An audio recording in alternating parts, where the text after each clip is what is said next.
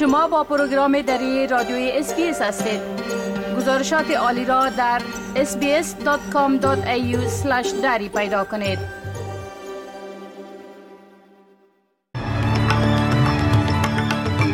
با عرض سلام ما صاحب شکیب. شما را به شنیدن مهمترین اخبار امروز اول دسامبر سال 2023 دعوت می کنم. سازمان همکاری و توسعه اقتصادی پیش بینی کرده که استرالیا در آستانه یک سال بتی از نظر رشد اقتصادی قرار دارد. مقامات طالبان گفتند که اداره همه نمایندگی های سیاسی افغانستان در هند را به دست گرفتند. سازمان ملل متحد از مذاکرات جاری برای تمدید آتش بس کنونی در غزه استقبال کرده است.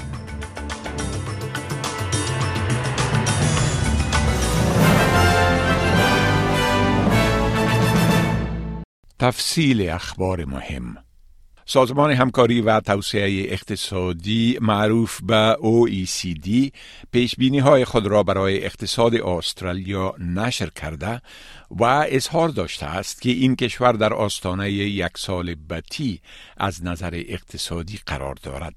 OECD گفته است که اگر میزان بلند تورم ادامه بیابد یا اقتصادی چین دچار رکود شود رشد اقتصادی استرالیا ممکن ضعیفتر شود. این سازمان متخصص امور اقتصادی جهان انتظار دارد که نرخ سود و تورم بلندتر بر سرمایه گذاری در مسکن و همچنان بر مصارف خانوارهای بدون مسئولیت ناشی از پسنداز بزرگ تأثیر خواهد گذاشت. اما جیم چالمرز وزیر خزانه می گوید که مطمئن است استرالیا از موضع قدرت با شرایط چالش برانگیز جهانی مواجه است.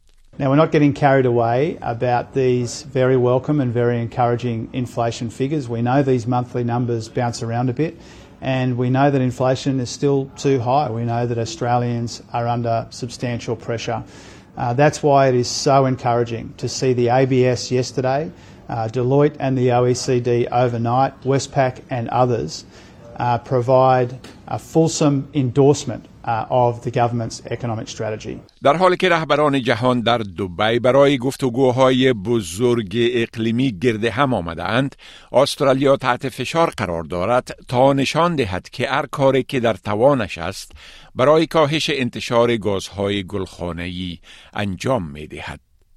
آخرین گزارش سازمان ملل متحد در مورد انتشار گازهای گلخانه‌ای هشدار می دهد که جهان به سوی گرم شدن بیشتر. به پیمانه دو پنج تا دو نو درجه سانتیگراد می رود که این بسیار بیشتر از هدف پیمان اقلیم پاریس به پیمانه یک پنج تا دو درجه است. پیمانی که امید برده می شد بشریت را از بدترین پیامدهای تغییرات در آب و هوا محافظت خواهد کرد. استرالیا امیدوار است کنفرانس تغییرات اقلیمی سازمان ملل متحد را در سال 2026 میزبانی کند اما با توجه به اینکه این کشور هنوز هم پروژه های مواد سوخت معدنی را تصویب می کند و به انتشار گازهای گلخانه‌ای در بیرون از سرحداتش ادامه می دهد احتمالا این آرزومندیش مورد بررسی دقیق قرار خواهد گرفت. کریس بوون وزیر تغییرات اقلیمی قبلا گفته بود که استرالیا به دلیل به توجهی حکومت ائتلافی سابق به محیط زیست نارسایی های زیادی دارد که باید با آنها رسیدگی شود. Australia on climate policy is like the kid that forgot about the exam uh, and has to has to really come home strongly in the in the final period. We want to get to 43%, and indeed we've always said we see that as a flaw to our ambitions, but it's ambitious. مقامات طالبان می‌گویند که اداره نمایندگی های افغانستان در هند به شمول سفارت آن کشور در دیهلی جدید را به دست گرفتند.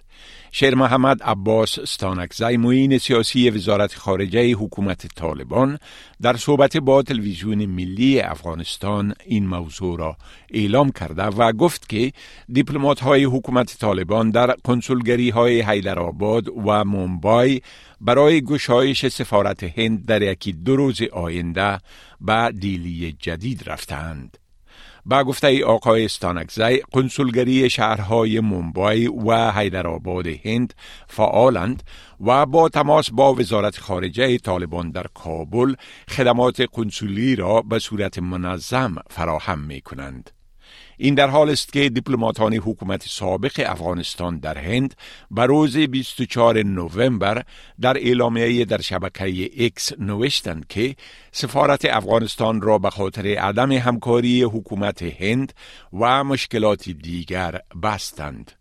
با آنکه حکومت طالبان از جانب هیچ کشوری در جهان به رسمیت شناخته نشده است اما هایش در چند کشور به شمول پاکستان، ایران، روسیه، چین و بعضی از کشورهای عربی فعالیت می کنند. سازمان ملل متحد می گوید که به شدت از مذاکرات جاری برای تمدید آتش بس در غزه استقبال می کند. اما آنتونیو گوترش سرمنشی سازمان ملل متحد می‌گوید که با یک آتش بس بشر دوستانه واقعی نیاز وجود دارد چون مردم غزه در میان یک فاجعه انسانی حماسی که در مقابل چشمان جهان واقع می شود قرار دارند. این اظهارات آقای گوترش در شورای امنیت ملل متحد مورد حمایت ریاض المالکی وزیر امور خارجه فلسطین قرار گرفته است و او در این نشست گفت که مردم فلسطین با یک تهدید وجودی مواجه هستند و مستحقند که به کرامت ذاتی و طبیعیشان احترام گذاشته شود. اما گیلاد اردن سفیر اسرائیل در سازمان ملل متحد گفته که موضوع به این سادگی نیست. Colleagues, humanitarian aid is very, very important. But more food, water, and medical supplies will not bring us closer to a solution. Hamas doesn't care about the people in Gaza. All they are interested in is implementing Hitler's final solution. And nothing can change a genocidal ideology. It must be uprooted and eradicated. نهاد ثبت اسلام هراسی از زمان آغاز جنگ بین اسرائیل و حماس سیزده برابر افزایش را در گزارش حوادث ضد مسلمانان درج کرده است.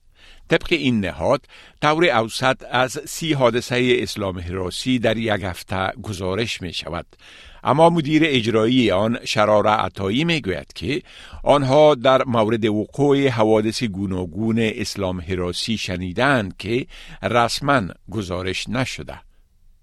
227 حادثه تا روز جمعه 24 نوامبر شامل آزار و اذیت نمازگزاران در مساجد توف کردن به زنان مسلمان و مقدار زیادی از توهین لفظی بوده است.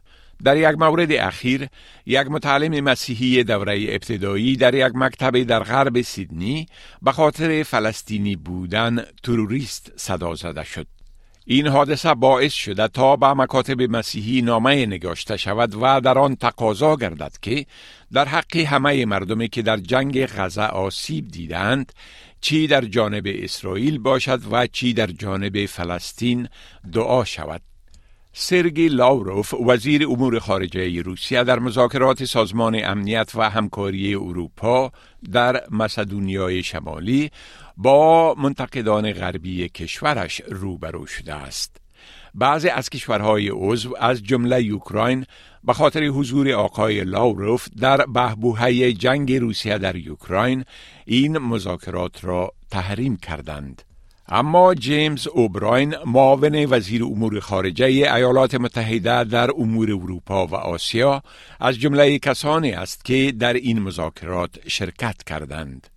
او در این نشست گفت که اصولا نشان دادن حمایت امریکا از سازمان امنیت و همکاری اروپا یک مسئله بسیار مهم است. We do it for one another and we do it for ourselves. And as the chair so eloquently said at the start this morning, we do it for the most vulnerable populations in each of our societies. Russia's further invasion of Ukraine is a complete affront to, to, civilized standards, to international law, and to the principles on which this organization is based.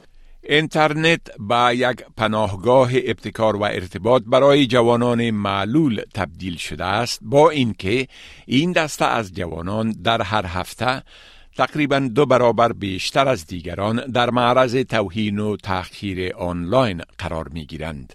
یافته های نشر شده توسط کمیسیون امنیت الکترونیکی نشان داده است که جوانان دارای معلولیت بیش از حد اوسط از اینترنت برای ارتباط گرفتن با مردم، شریک ساختن سرگرمی ها و پرسیدن سوالاتی که نمی خواهند به صورت حضوری بپرسند استفاده می کنند. تقریبا 70 فیصد از مردم معلول تحت بررسی قرار گرفته گفتند که در وقت بودن در اینترنت نسبت به زمانی که با مردم روبرو می باشند برایشان آسانتر است که نظراتشان را بیان کنند. در حالی که 45 فیصد گفتند که صحبت کردن با مردم که چیزهای مشابه به خود آنها را دوست دارند یکی از بهترین جنبه های استفاده از اینترنت است. جولی انمن گرانت کمیشنر امنیت الکترونیکی می‌گوید که دنیای آنلاین یک دریچه باور نکردنی به سوی تجارب تایید کننده خودی برای جوانان دارای معلولیت است که تا چند نسل پیش غیر قابل تصور بود. این بود اخبار مهم از برنامه دری رادیوی SBS.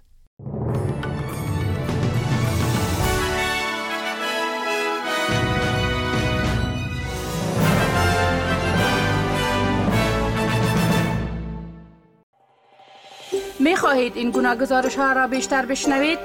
به این گزارشات از طریق Apple Podcast، Google Podcast، Spotify و یا هر جایی که پادکاستتان را می گیرید گوش دهید.